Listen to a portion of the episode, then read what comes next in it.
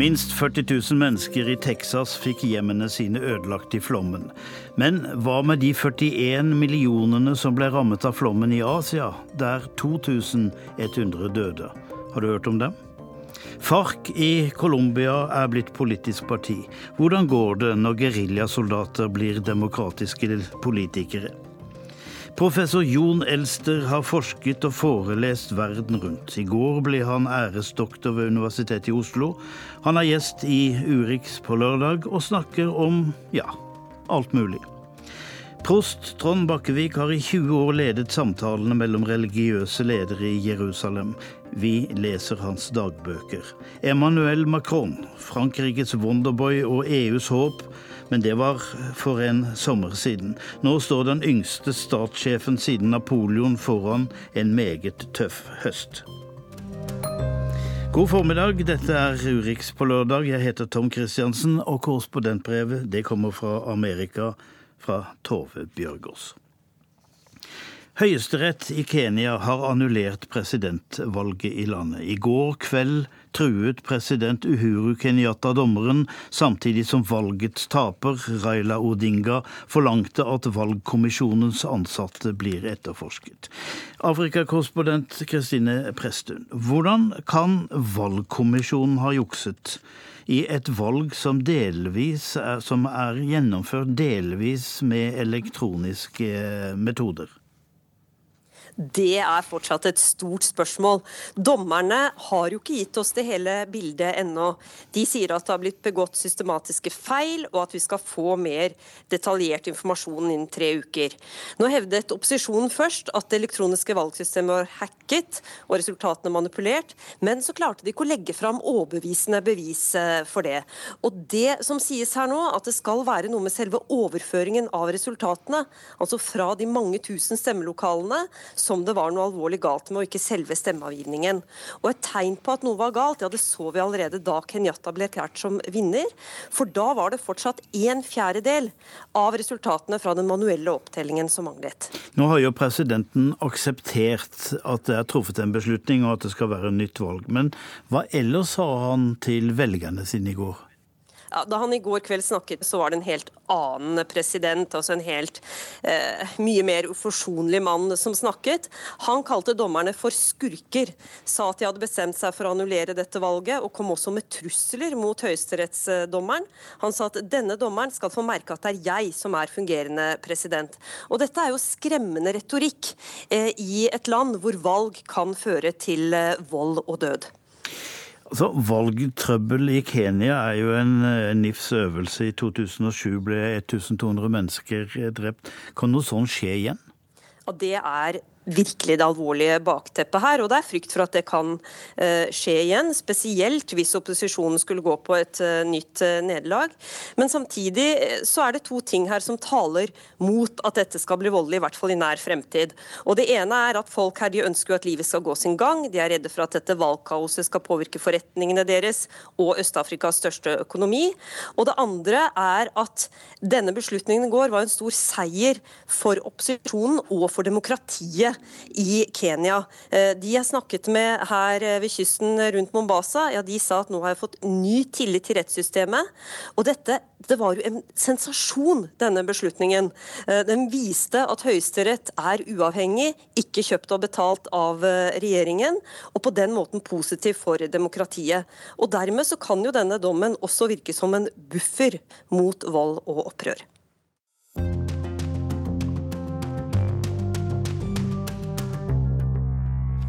I Houston vender folk hjem til sine ødelagte hus. Nærmere 40 mennesker er registrert omkommet så langt. Samtidig står en tredel av Bangladesh under vann. 2100 mennesker er døde i storflommen i Asia. 41 millioner mennesker er berørt. Den katastrofen oppdaget vestlige medier først denne uka. Vi skal se på hvem som får verdens oppmerksomhet. For det er ikke de flomrammede inderne. Øystein Heggen har sett østover.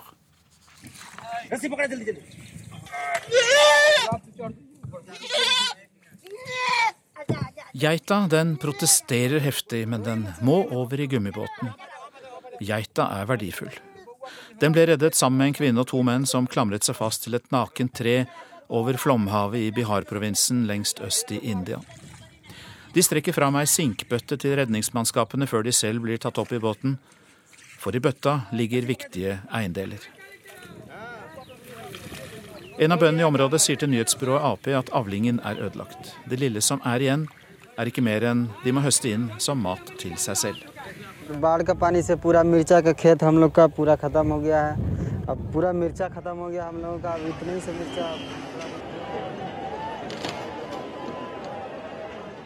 2500 km lenger vest i India, i dyp gjørme mellom sementblokker og forvridde stålkonstruksjoner, forsøker redningsarbeidere å grave folk ut av ruinene av en sammenrast bygård. Det var en 117 år gammel bygning i dårlig forfatning, sier ingeniøren Abbas Master. The residents 117-year-old Husseini building in Bendi Bazaar collapsed at 8:30 am today. This ground plus six 33 mennesker døde. Denne gangen kom Abbas Master og hans folk for seint. De driver en stiftelse som forsøker å fornye den gamle bygningsmassen i Mumbai og flytte folk til andre boliger. Kollapser som dette skjer hver gang monsunregnet kommer, fordi bygningene ikke tåler vannmassene. Tusener venter på at det skal komme et tog, men jernbanetrafikken og andre deler av transportsystemet i megabyen med 20 millioner innbyggere har vært innstilt. Folk har vadet gjennom gatene i Mumbai med vann til hoftene. Også Nepal og Bangladesh har vært rammet. Monsunen den kommer jo hvert år, med livgivende kraft til jorda og til menneskene. Men denne gangen var den så mye kraftigere og la bak seg så mye mer død og tap i sitt kjølvann enn tidligere. Over 40 millioner mennesker i Sør-Asia har vært nødt til å forlate sine hjem. Mange lokalsamfunn er uten strøm og rent vann, og jordskred og flom har ødelagt broer og veier. Men mediene har fòret oss med mange ganger mer om flommen i Texas. Orkanen Harvey var sterk, og den forårsaket fryktelig mye skade, særlig i den amerikanske storbyen Houston.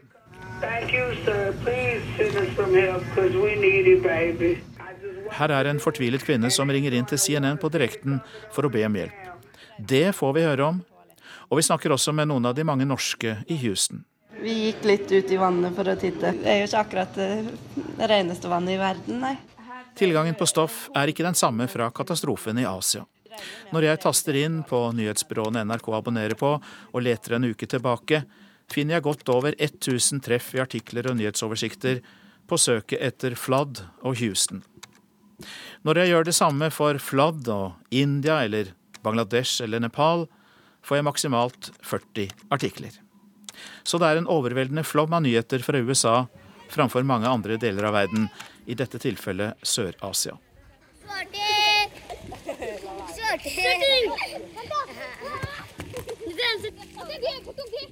Så vi må lete litt ekstra etter de gode bildene og lydene som dette håpet for framtida Reuters fotograf tross alt har fanget opp i Nepal. Barn som spiller fotball i den dype gjørma, mens foreldrene spar våt leire ut av husene sine.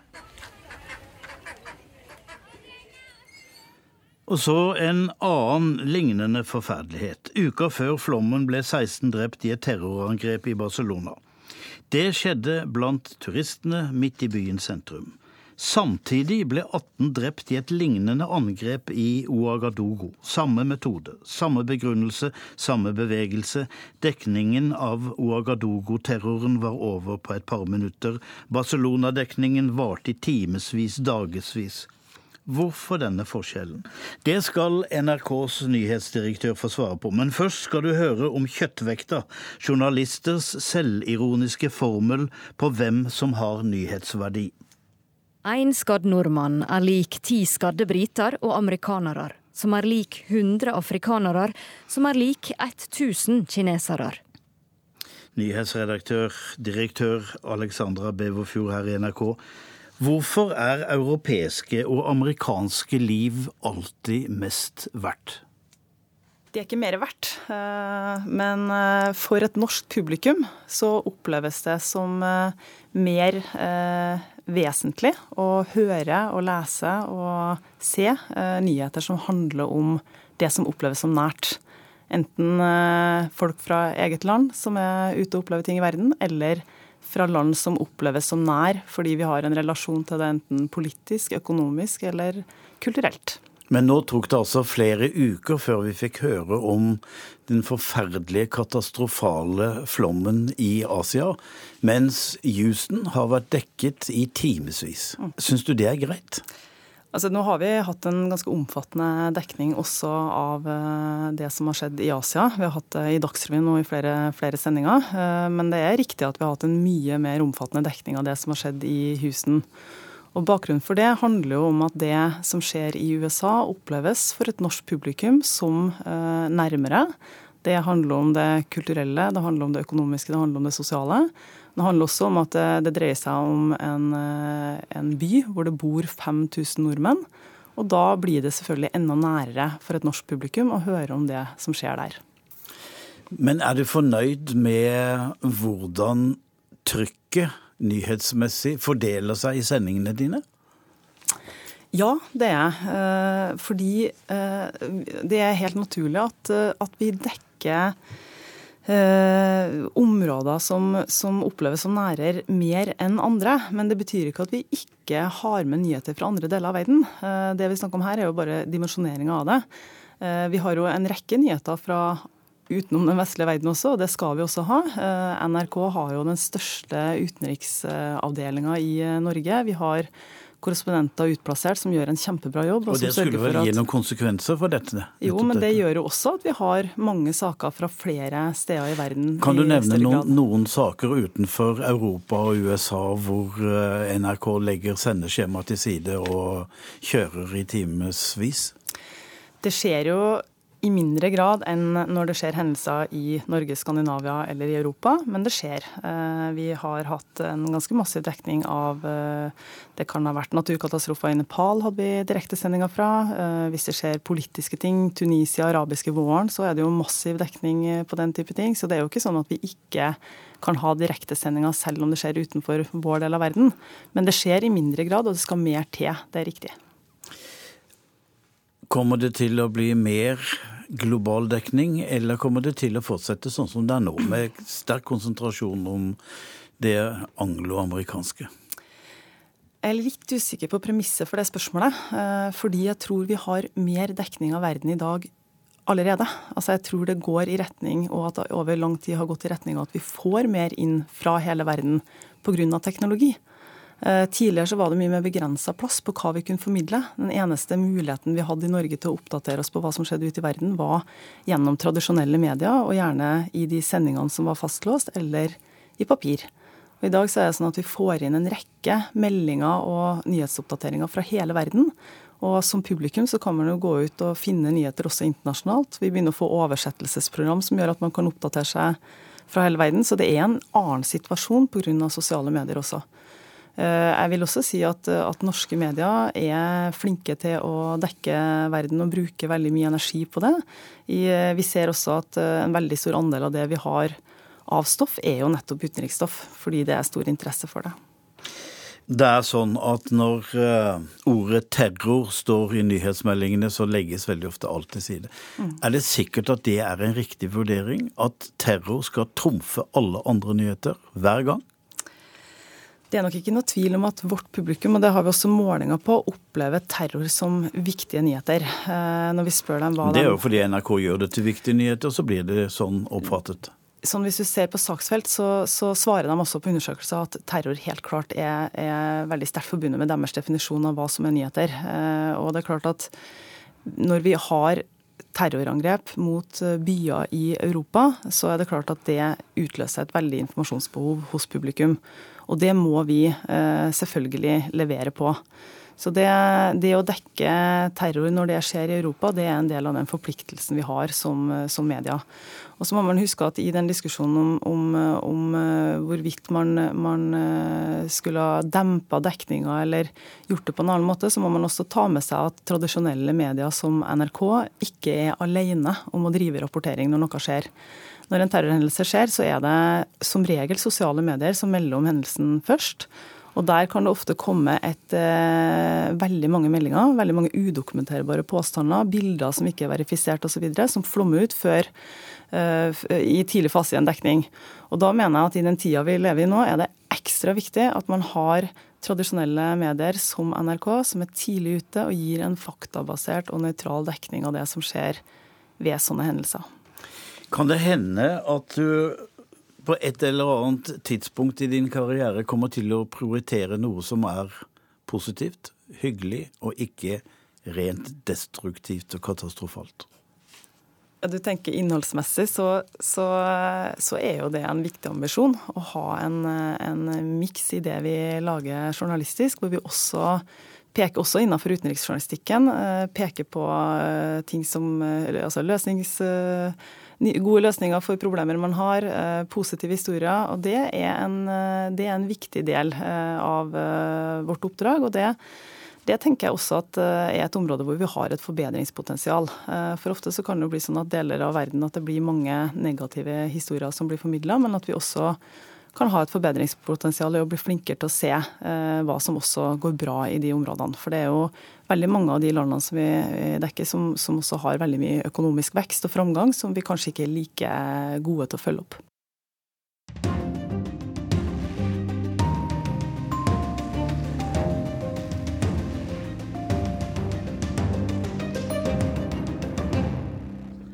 I mer enn 20 år har prost Trond Bakkevik ledet samtalene mellom religiøse ledere i Jerusalem.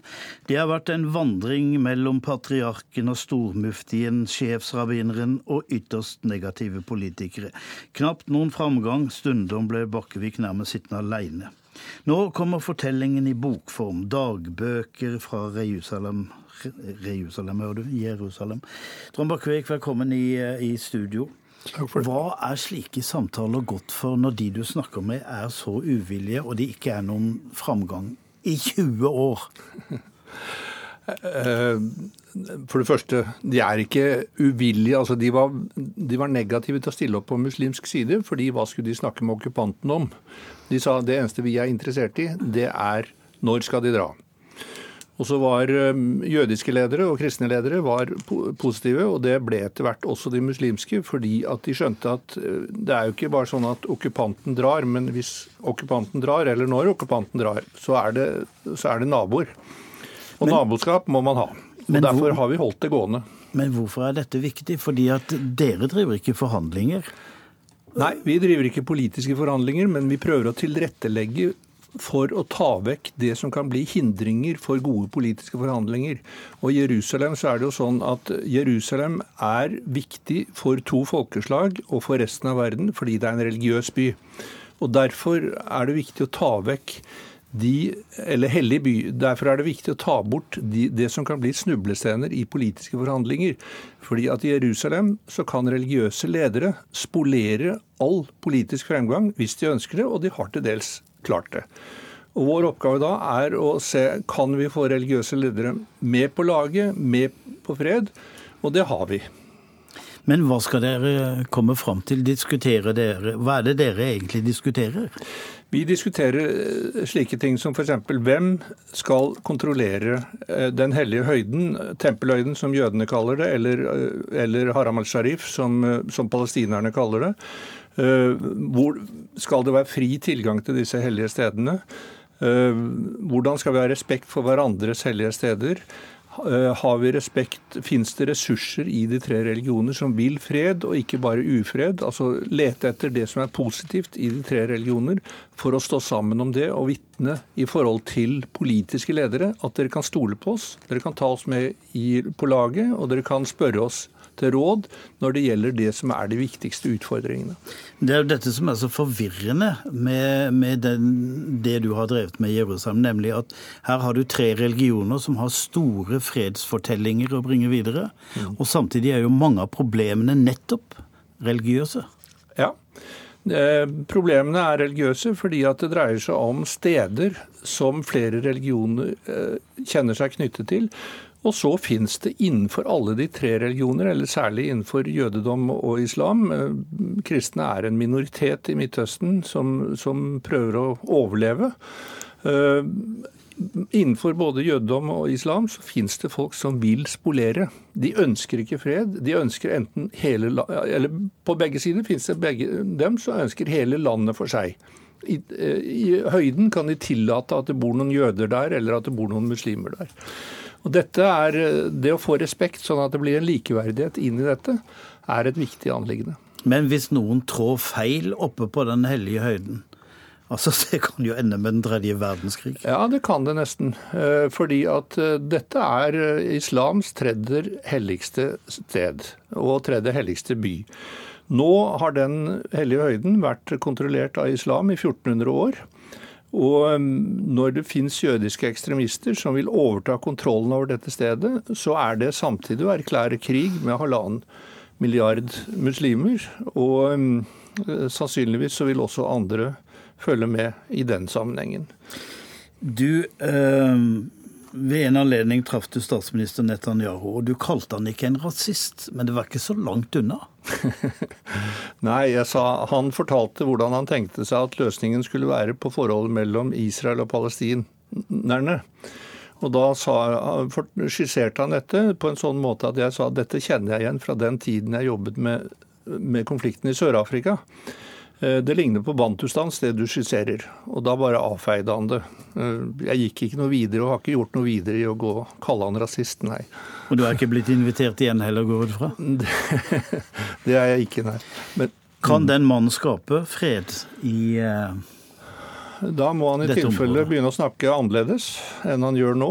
Og da må han eh, se i øynene at enten så blir det en tostatsløsning som, som må være bærekraftig, og det er den ikke hvis den, hvis den andre staten skal kontrolleres av Israel.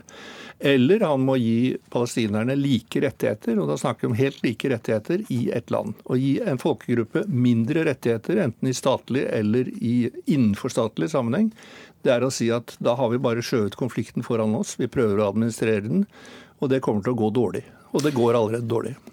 I disse samtalene du har hatt, så starter dere alltid møtene med bønn. Betyr du at du ber til, eh, til eh, Allah og Javé og Gud?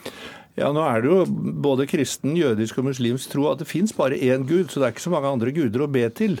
Men jeg skal innrømme at dette har vært noe av det som er tankevekkende for meg. Når, når muslimer eller jøder ber, så spør jeg alltid meg selv ber jeg nå, eller lytter jeg til de andres bønn?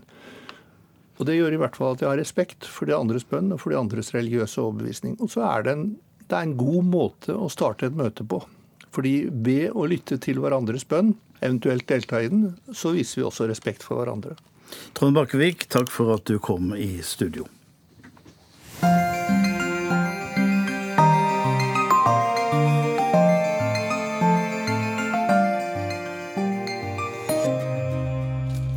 Denne uka har rundt 1000 tidligere geriljakrigere i Colombia kommet sammen for å omgjøre FARC til et politisk parti. Det konservative parlamentet får dermed nytt, nye alternativer på venstresiden. Program, partinavn, politikkens ansikter utad har vært diskutert på en konferanse hele uka, og i natt kom de fram til at det nye politiske FARC skal hete de felles alternative revolusjonære styrkene, tilfeldigvis forkortet til nettopp FARC. Nå skal den tidligere geriljaen overbevise folk om at de er blitt demokratiske politikere. Anders Tvegård har laget denne reportasjen.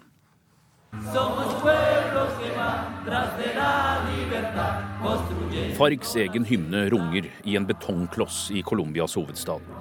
Konferansesenteret i Bogotá huser geriljakrigere som forrige måned la fra seg 8000 våpen da de kom gående ut av skjulestedene i jungelen. Mens de synger kampsangen, ser de bilder av geriljahelter fra den over 50 år lange blodige borgerkrigen. Også veggene er pyntet, med malerier av revolusjonære som Fidel, Che, Chávez og Jesus.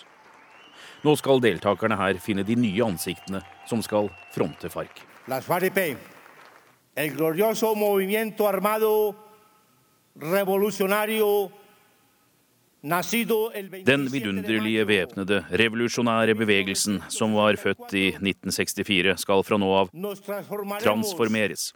FARC-lederen Rodrigo Lodonio, kjent som Timosjenko, snakker sakte og har ikke endret den mindre moderne marxist-retorikken. 58-åringens budskap er at de nå blir en politisk gruppering som fortsetter sin kamp på lovlig vis. På de hvite T-skjortene som er delt ut, er emneknaggen 'Nuevo Partido' stemplet på ryggen i blått. Nytt parti for et nytt land er parolen. Las mujeres. FARCs støttespillere og avvæpnede soldater, kvinner og menn, er busset inn til hovedstaden med politieskorte, slik at de sammen skal finne et veikart og en politisk plattform for valgene som kommer. Foreløpig er det forhandlerne fra Havanna, med Ivan Merques og pastor Alape i spissen, som har sikret seg seter i Kongressen. Fredsavtalen som ble undertegnet i fjor, gir de tidligere krigerne ti sikre plasser i parlamentets to kamre, men de kan drive valgkamp for flere.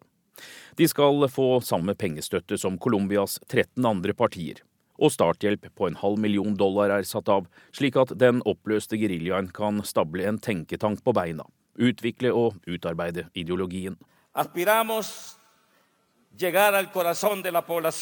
dette er kommandant og forhandler Ivan Marquez fra scenen i konferansesenteret.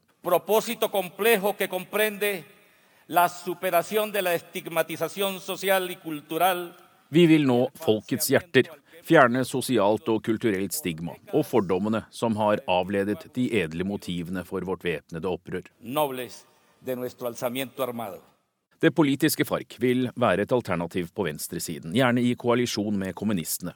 En måling tatt opp i august viser at det som var landets største geriljabevegelse, utgjør en mindre trussel politisk.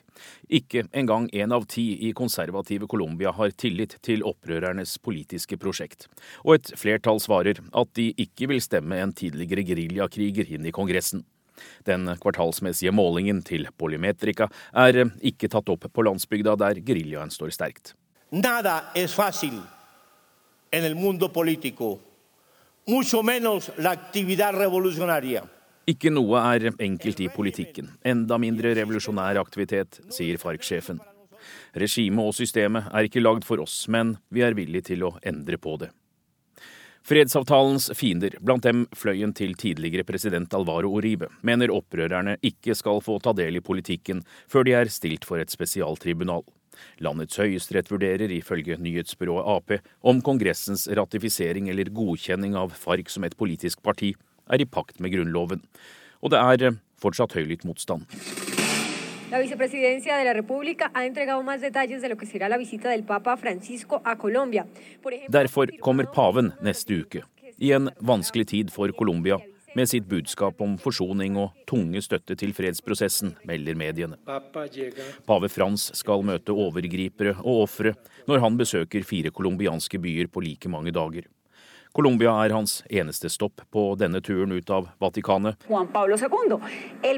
Det er over 30 år siden en pave har kysset colombiansk jord. Nå kan han også håndhilse på tidligere geriljakrigere som har kjempet i en konflikt der over 220 000 mennesker ble drept. Men kan geriljaledere bli demokrater? Mange har prøvd, ikke alle har greid overgangen. Jo Hol Larsen har noen eksempler, og han begynner i nettopp Colombia. Den en gang så mektige geriljabevegelsen M19 er i dag et politisk parti med representanter i nasjonalforsamlingen. Men i 1985 var situasjonen en annen.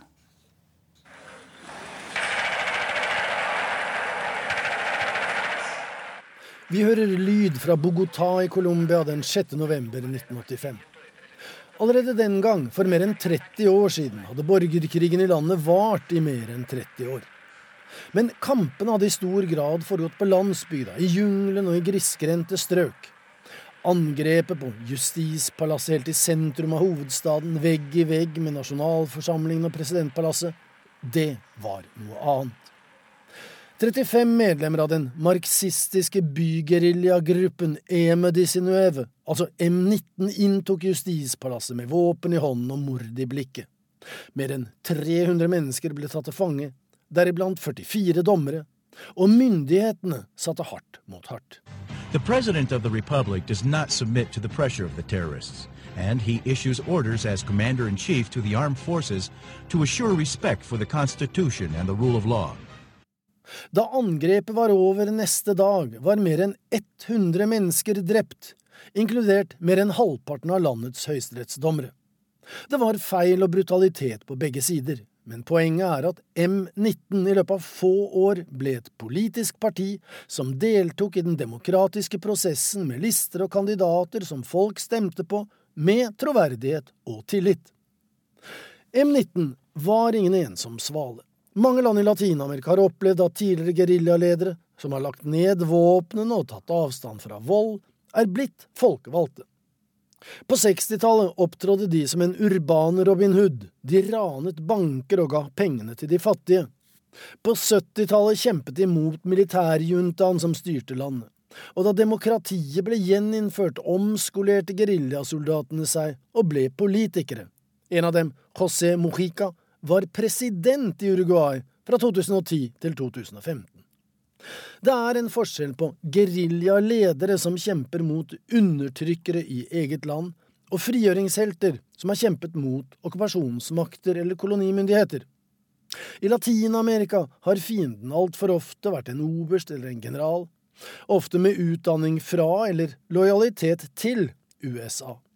Men en antiimperialistisk retorikk eller en marxistisk ideologi har aldri vært noen garanti for demokratisk sinnelag eller respekt for folkets vilje. Nicaraguas Daniel Ortega hadde som sandinistleder en høy stjerne i venstreradikale kretser. Hadde, for etter at han ble president, har han ikke levd opp til de revolusjonære støttespillernes forventninger. I Latin-Amerika har de fleste lederne av væpnede motstandsgrupper, fra Frente Patriotico de Manuel Rodriguez i Chile under Pinochet, til ekspresident Lula da Silva i Brasil, og fra Bolivias indianske Aymara-president Evo Morales til de meksikanske zapatistenes subkommandante Marcos. Alle har de sett opp til Cubas Fidel Castro i alminnelighet, og den argentinske legen Ernesto Che Guevara i særdeleshet. De viste vei rundt 1960 og tente et håp for andre visjonære antifascister med politiske ambisjoner. På andre kontinenter har folk som Mahatma Gandhi og Menachem Begin, Nelson Mandela og Ho Chi Minh kjempet for friheten, med forskjellige våpen og, avhengig av øynene som ser, varierende resultat, i hvert fall i etterpåklokskapens klare lys. I disse dager, der det er tvil om hvem som forsvarer sin posisjon på sokkel og flytting av statuer er et tema, står hele Latin-Amerikas store frigjøringshelt Simon Bolivar fremdeles urokkelig på sin. Men hvor lenge står for eksempel den sekulære Kemal Atatürk trygt med dagens utvikling i Tyrkia? For revolusjonen spiser ofte sine barn. Spør Mao, og spør Stalin om mulig. Enkelte geriljaledere med suksess svikter når målet er nådd. De tviholder på makten og utarmer sitt folk. Eritreas Esayas Afaverki og Robert Mugabe i Zimbabwe er blant de tristeste eksemplene på at demokratiet ofte er et fikenblad, og at makt korrumperer. Og la oss så, som et apropos helt til slutt, ikke glemme at USA ble grunnlagt av opprørere. Geriljahæren reiste seg mot den undertrykkende kolonimakten, og USAs første president, selveste landsfaderen George Washington, var terroristenes leder, i hvert fall sett fra London den gang.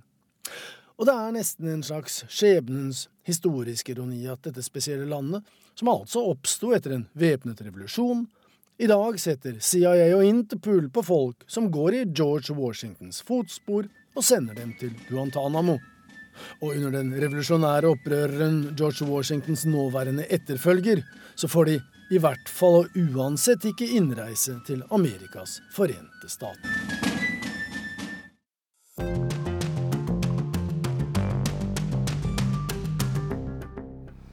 I går ble professor Jon Elster ved Columbia University kreert til æresdoktor ved Universitetet i Oslo. Elster er en av Norges fremste intellektuelle, for øvrig sønn av vår sagnomsuste tidligere kringkastingssjef Torolf Elster. Jon Elster har også beskjeftiget seg med Colombia, så jeg spurte ham i går. Kan FARC klare overgangen fra geriljakrig til parlamentarisk arbeid? Ja, delvis så er jo FARC selv en veldig sammensatt bevegelse. Og da jeg var i Bogotá for noen år siden og snakket om dette med forskjellige uh, jurister og politikere, så er det klart at det er et generasjonsskille. De eldre FARC-lederne de er nok fortsatt opptatt av sosial rettferdighet, og de kan vel bli et politisk parti. Men de yngre FARC-lederne er kanskje mer å sammenligne med en mafia. Og hvem som har overtaket der, er det ingen som vet. FARC er en slags black box, svart boks. Ingen vet egentlig hva som foregår inni FARC. Så det er bare å vente og se. Men hva er det som er det vanskelige? Vel, altså det å gi fra seg muligheten til sånne kjempesummer som de har fått gjennom eh, narkotikasmugling, det er jo vanskelig. Men de har vel heller ingen trening i demokratisk arbeid? Nei, men altså de vil jo bli plassert inn i en demokratisk sammenheng, hvor de liksom har spilleregler som de må følge. Så eh, jeg tror nok at altså hvis en geriljabevegelse skal skape et demokrati, så vil det kanskje være vanskelig. Men her er det snakk om å gå inn i et eksisterende demokrati. Og det må man jo tro er mulig hvis viljen er til stede. Hvis som sagt det ikke bare fortsatt er en, en mafia. Sør-Sudans eh, avdøde leder John Garang svarte alltid når han ble spurt om geriljaledere kan bli de eh, demokrater, at uh, se på Nelson Mandela, se på George Washington. Men de er kanskje unntakene? Ja, det har jeg ikke tenkt så mye på.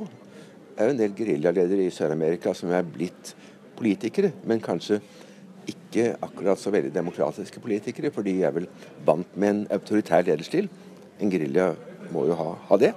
Kan ikke ha en demokrati i en, en gerilja. George Washington f.eks. var veldig mot alle former for demokrati i, innenfor hæren. Der skulle det være strenge linjer. Men han, da freden kom, så, så, ble han demokrat. Jeg tror ikke man kan generalisere om dette. Ja. Vi har, eh, Den vestlige verden har på mange måter eksportert demokratiet til ikke minst Afrika. Men det man har eksportert, er vel kanskje den vår egen utgave av demokratiet? Ja, det kan det kan jo være. Altså, USA har jo ofte prøvd å liksom overtale nye nasjoner til å overta det amerikanske systemet mer eller mindre uh, ferdiglaget. Jeg tror kanskje rettsstaten er viktigere enn demokrati i første omgang. Altså Demokrati uten rettsstat vil forfalle veldig fort. Mens en rettsstat kan klare seg hvis det blir etablert, uten uh, et sånn veldig demokratisk styresett. Ja, Det er jeg ikke helt sikker på. Men det er på, man skiller synes jeg, mellom rettsstat og demokrati. rettsstat som innebærer likhet for loven, forutsigbarhet, ikke tilbakevirkende lover, offentlige rettssaker, juryordning osv. osv. Mange slike ting som skaper trygghet og sikkerhet hos borgerne. Som ikke nødvendigvis er det samme som merbestemmelsesrett hvert fjerde år. Eh, respekten for en rettsstat eh, er vel noe som må bygges opp over tid? Ja, det kan du si. Og det er altså i land som eh, hvor korrupsjon eh, herjer, så er det jo vanskelig å liksom starte å få hele samfunnet inn i tørrdokk, på en måte. Man må bygge om båten i åpen sjø. Og det er ikke alltid så lett, for å si det mildt. Hvorfor er det så vanskelig å fjerne korrupsjon? Fordi det er så mange som tjener på det. De sitter høyt nok. Eh, og de eh, har jo ofte penger som kan påvirke den politiske prosessen. Du holdt en gjesteforelesning i Oslo denne uka hvor du drøftet uh, sinne gjennom historien. Disse geriljaledere som driver en frihetskamp, hvor mye betyr sinne i den kampen? Eh, revolusjonskrigen det var jo klart at den ble båret av to følelser, sinne og entusiasme.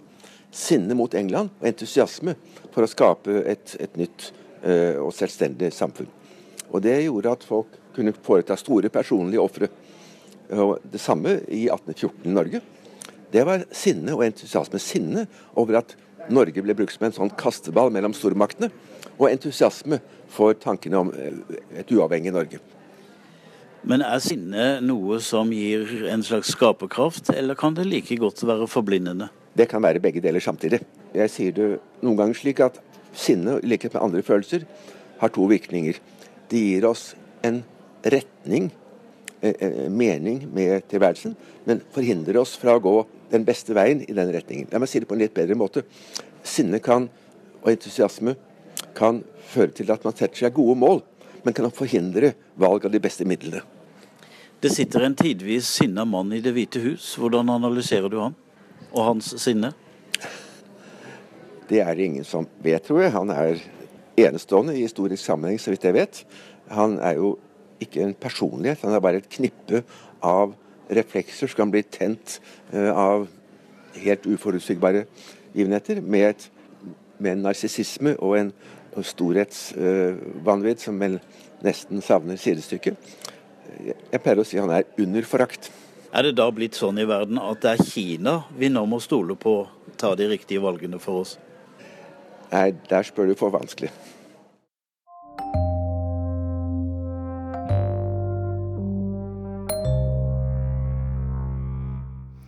Så skal vi til Frankrike. Den 12. september er det varslet store og landsomfattende protester.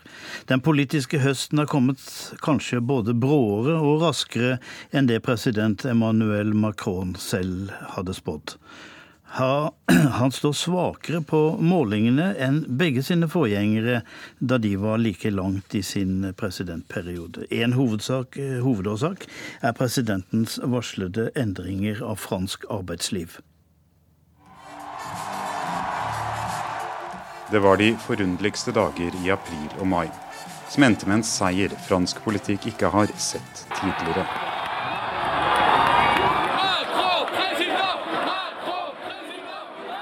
Deretter rett inn i kjernen av det vanskeligste, og et kraftig fall på popularitetsmålingene både for presidenten selv og hans statsminister.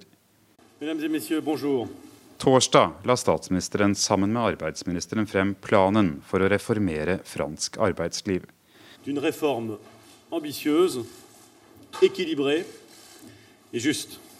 Dette er et ambisiøst, balansert og rettferdig utkast, sa statsminister Edouard Philippe. Og ikke uventet, det blir bråk.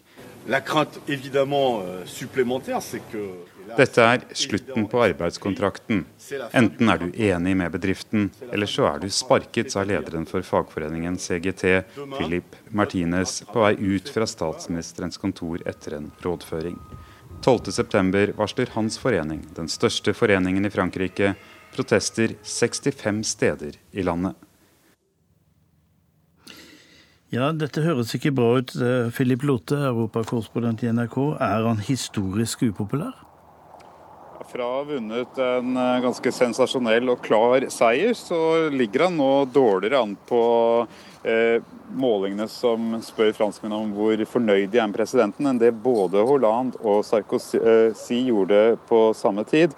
Men det er en forskjell her, og det er jo at eh, de kanskje utsatte og ikke gikk rett inn i de vanskelige sakene, mens Macron helt bevisst går eh, løs på det aller, aller vanskeligste med en gang. og prøver å levere det han lovet, og det er å endre fransk arbeidsliv. Han sier at Frankrike kan ikke være bekjent med å være den eneste ledende økonomien i Europa som har 10% ledighet og enda høyere ledighet eh, blant unge. Eh, og mange franskmenn mener jo at uh, arbeidslivet må endres. Det har han bred støtte til. Han har ikke et flertall for de forslagene han har lagt frem, som bl.a. går på å redusere fagforeningens uh, makt i mindre og mellomstore bedrifter. men 80% av de som stemte på han i valget, de støtter han. Men hva annet enn forslaget om å bedre arbeidsloven, som nå er det aktuelle som det protesteres mot, er det som gjør han upopulær? Er det flere ting? Arbeidsreformen er det vanskeligste og det som kommer til å gi han størst problemer denne høsten med disse varslede protestene 12.9, og det kommer til å bli flere av dem. Men i tillegg så har det vært en diskusjon rundt hvilken rolle hans eh, ektefelle skal ha, eh, Brigitte Macron. Eh, hun har ønsket, og Macron har også støttet, at hun skal ha en slags sånn førstedamerolle. Dette er det ingen tradisjon for i Frankrike, og det er blitt spurt om hva slags budsjett skal hun ha, hvilke oppgaver, og der har de vært nødt til å komme med eh, detaljerte forklaringer forklaringer, og i praksis så blir det ikke noe stor forskjell. Hun skal ha noe kontakt med frivillige og veldedige organisasjoner, eh, men hun får ikke noe eget budsjett eller noe sånt. Der måtte de sende ut en eh, klargjøring i forrige uke. Og så hadde han en kontrovers med forsvarssjefen eh, tidligere i sommer, da han signaliserte at militærets budsjetter ville bli redusert, og da gikk jo den militære lederen for Forsvaret av. Så, så noen sånne kontroverser har det vært, men arbeidsreformen er det tyngste tyngste og det vanskeligste. Men hva må man da gjøre for å lykkes? Er det noe, er det noe sukkertøy han kan dele ut? Ja, strategien hans er jo å få dette gjennom og bare si at eh, jeg tar eh, fagforeningsoksen, altså tyren ved hornene. Jeg vil snakke med dem, jeg vil ha dialog med dem, men jeg kommer til å gjennomføre reformer i arbeidslivet, og jeg kommer til å gjøre det fort. Altså Han bare ønsker å få dette overstått.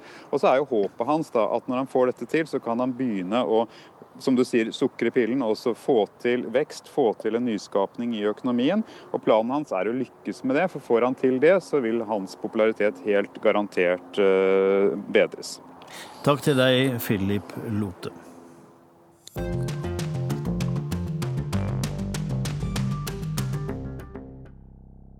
Da er vi kommet fram til eh, ukens korrespondentbrev. Det er skrevet i Houston.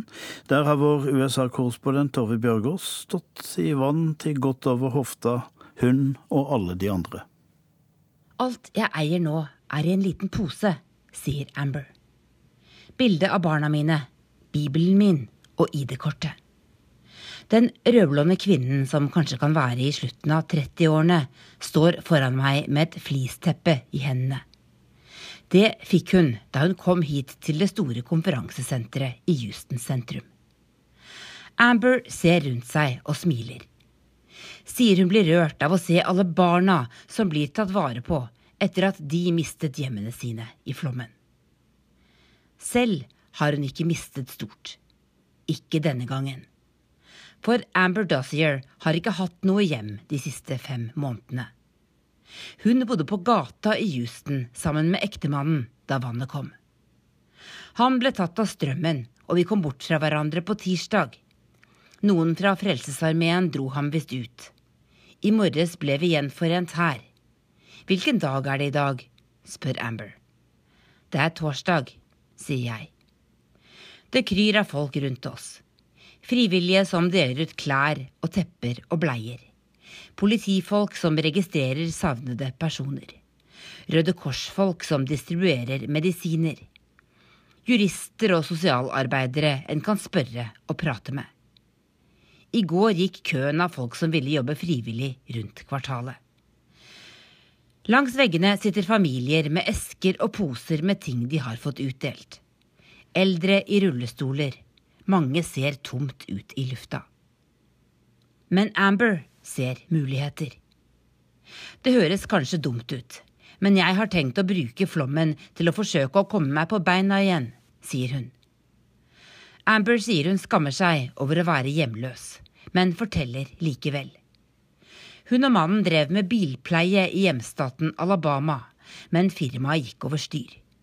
Først mistet de huset, og så måtte de selge bilene. Jeg var så redd for at barnevernet skulle ta ungene. Så vi flyttet hit til Houston og overlot dem til svigerinnen min mens vi forsøkte å få oss noe å gjøre, forteller hun.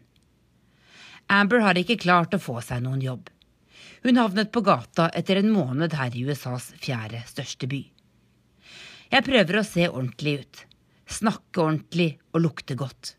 Det er viktig om du skal slippe inn steder for å gå på do og lade telefonen, sier hun. Amber føler at hun har sluppet inn nå. For akkurat her inne er mange av menneskene hun har forsøkt å få tak i i månedsvis. Her er hjelpere fra frivillige organisasjoner som får folk som henne i gang igjen. Kanskje kan de hjelpe meg også, undrer hun. Vi står ved siden av to små jenter som leker på det teppelagte gulvet. Moren deres er gravid. Faren sitter i en stol og snakker med en fra Røde Kors. Amber sier hun har tre døtre på 5, 7 og 14 år. Hun har ikke sett dem siden Harvey kom, men hun har snakket med dem i telefonen. De to småjentene som leker på teppet, heter Emery og Eliana. De bodde i en leilighet rett ved den store motorveien Interstate 45, forteller moren deres, Ines Cruz. Gravid med nummer tre og evig takknemlig. Ines satt engstelig hjemme og ventet på mannen Max da regnet til slutt fikk taket i leiligheten til å falle ned i stua. Jeg var bare ute og prøvde å tjene litt mer penger før stormen virkelig kom, forklarer bygningsarbeider Max Gonzales. Men på vei hjem var det allerede for sent. Han ble sittende fast sammen med en kollega. De forsøkte å skyve bilen gjennom vannmassene, men det gikk ikke. I to dager var de fanget i et verkstedlokale de klarte å ta seg inn i. Men nå smiler livet til familien. I går var jeg på Kanal 11, på lokalnyhetene på TV her, og fortalte hva som skjedde med oss. Da var det noen som ringte inn og tilbød oss et hus, forteller Max. Familien skal snart begynne på nytt, i fylket nord for Houston. Det blir bra nå. Det blir helt sikkert masse arbeid å få for meg som er bygningsarbeider, sier Max. Det finnes titusener av flomhistorier her inne, på det største av orkanen Harveys evakueringssentre. Og det er nok av folk å fortelle dem til. Her er CNN, Fox og NBC, og mange utenlandske TV-team som vårt. Her er lokale og nasjonale politikere, ledere for hjelpeorganisasjoner og tusenvis av frivillige. Givergleden er absolutt enorm, men det er nødvendig, for det som venter nå er et gigantisk gjenoppbyggingsarbeid, forteller Neil Bush meg. Han har en far og en bror som heter George, og har vært presidenter. Her inne leder han arbeidet til farens hjelpeorganisasjon Points of Light, som har som spesialitet å organisere og finansiere frivillig innsats etter katastrofer. Store deler av den vestlige verdens oppmerksomhet er rettet mot Houston nå. Klarer denne byen å håndtere sin egen katastrofe? I 2005 fikk Houston ros da byen reddet 27 000 mennesker fra Katrina og innlosjerte dem i det gigantiske fotballstadiumet The Astrodome. En god del av dem ble værende. Det finnes Katrina-ofre som har opplevd ny flomevakuering denne uka. Men stor giverglede og frivillig innsats er også en nødvendig del av dagliglivet her i Texas. Her er velferdsstaten minimal, og innbyggerne betaler bare føderal skatt. Fattigdomsprosenten er høy og stigende. Det er også rikdommen til dem som har mest. Det er selvsagt mange tusen flomofre som ikke har reist ned til sentrum. De har flyttet til familie og venner eller på hotell i stedet. Mange fikk hjelp av noen de kjente med båt til å evakuere.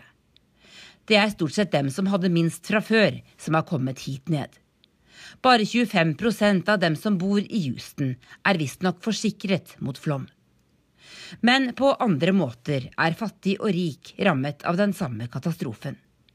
Av det brune flomvannet som blir fullere av E. coli-bakterier jo lenger sola skinner på alt som har samlet seg i det.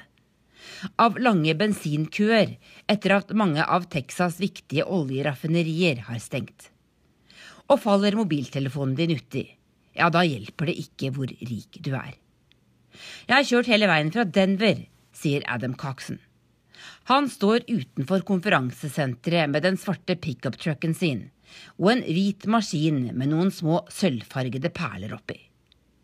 Maskinen tørker mobiltelefoner ved hjelp av perlene som fjerner fukt. Vi har utviklet denne teknologien selv, forteller Adam. Han vil gjerne hjelpe, og mange kommer innom med mobiltelefonene sine. Men han innrømmer at det også er en fordel å snakke med journalister som meg og han har satt opp tørkemaskinen sin like ved siden av kameraene til de store amerikanske TV-selskapene. Texanerne smiler til hverandre. De blir rørt av medmenneskeligheten og rausheten til kjente og vilt fremmede. Det blir også Amber Dossier fra Alabama. Spesielt preget blir hun av å se alle barna, sier hun nok en gang. På søndag er det nasjonal bønnedag, har president Trump annonsert på Twitter. Da skal alle amerikanere som tror, be for flomofrene i Texas. Amber ber mange ganger om dagen allerede. Bibelen er tross alt en av tre eiendeler hun har klart å beholde. Hun tørker noen tårer, og jeg gir henne en klem. Bønnen hun ber om og om igjen, er både så enkel og så komplisert. Kjære Gud, la meg få bo sammen med barna mine igjen. Amber håper gavmildheten hun ser rundt seg, skal gi henne og de tre døtrene en ny sjanse. At tusenårsflommen i Houston skal gi familien Dossier et hjem. Der setter Urix på lørdag strek, men du eh, hører fra oss rett som det er. Særlig i Søndagsrevyen i morgen. Der skal vi til Rwanda, Tyskland, Sri Lanka og Sverige. Ellers seint og tidlig i nyhetssendingene, og ikke minst på nettet døgnet rundt. Teknisk ansvarlig for Urix på lørdag eh, har vært Finn Lie, produsent Arne Fossland, og jeg heter Tom Christiansen.